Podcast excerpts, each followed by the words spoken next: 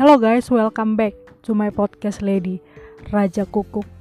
Guys, saat ini saya ingin berbagi tentang refleksi singkat yang saya dapat yaitu bagaimana seseorang sering kali dikuasai oleh hati yang cemas, hati yang takut, hati yang tak bisa bergembira, bahkan hati yang pahit. E, pernah nggak kita mengalami itu? Ya semua kita pasti pernah mengalaminya ya. Dan kita tahu sih bahwa kondisi hati itu terjadi ketika pikiran telah dikuasai oleh sesuatu hal, baik itu hal yang baik dan baik hal yang tidak baik. Tetapi sebenarnya nih guys, hati itu juga sangat-sangat berpengaruh ya di dalam aspek kehidupan kita ini.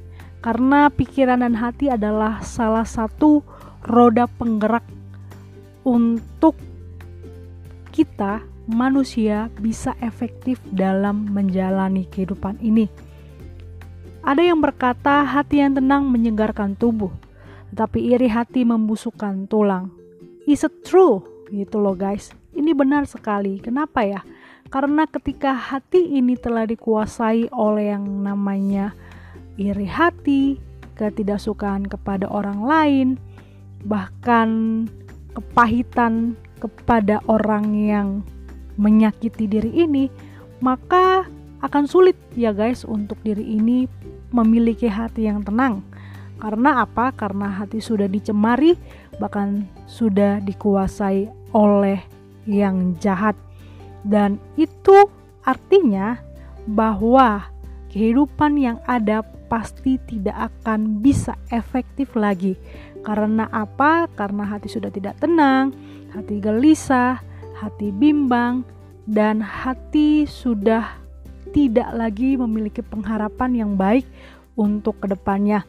Itulah sebabnya ya guys, untuk kita bisa memiliki hati yang tenang, kita harus benar-benar bisa membuang semua iri hati yang pastinya akan membusukkan tulang kita, yang pastinya ya akan memberikan penyakit ya guys di dalam diri kita, bukan di dalam tulang aja, tapi juga bisa di dalam tubuh kita, baik yang kelihatan dan juga yang tidak kelihatan.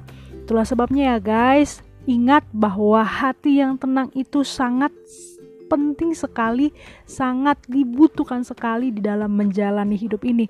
Karena di dalam hati yang tenang akan terdapat jiwa yang sehat, raga yang kuat, bahkan akan menghasilkan tindakan-tindakan yang baik yang pastinya berguna bagi banyak orang. So, milikilah hati yang tenang di dalam Tuhan, lepaskanlah semua iri hati, kejahatan, hal yang tidak baik, sehingga kita boleh bisa menikmati kehidupan yang baik yang Tuhan sudah berikan bagi kita dan hidup kita juga bisa bermanfaat bagi banyak orang.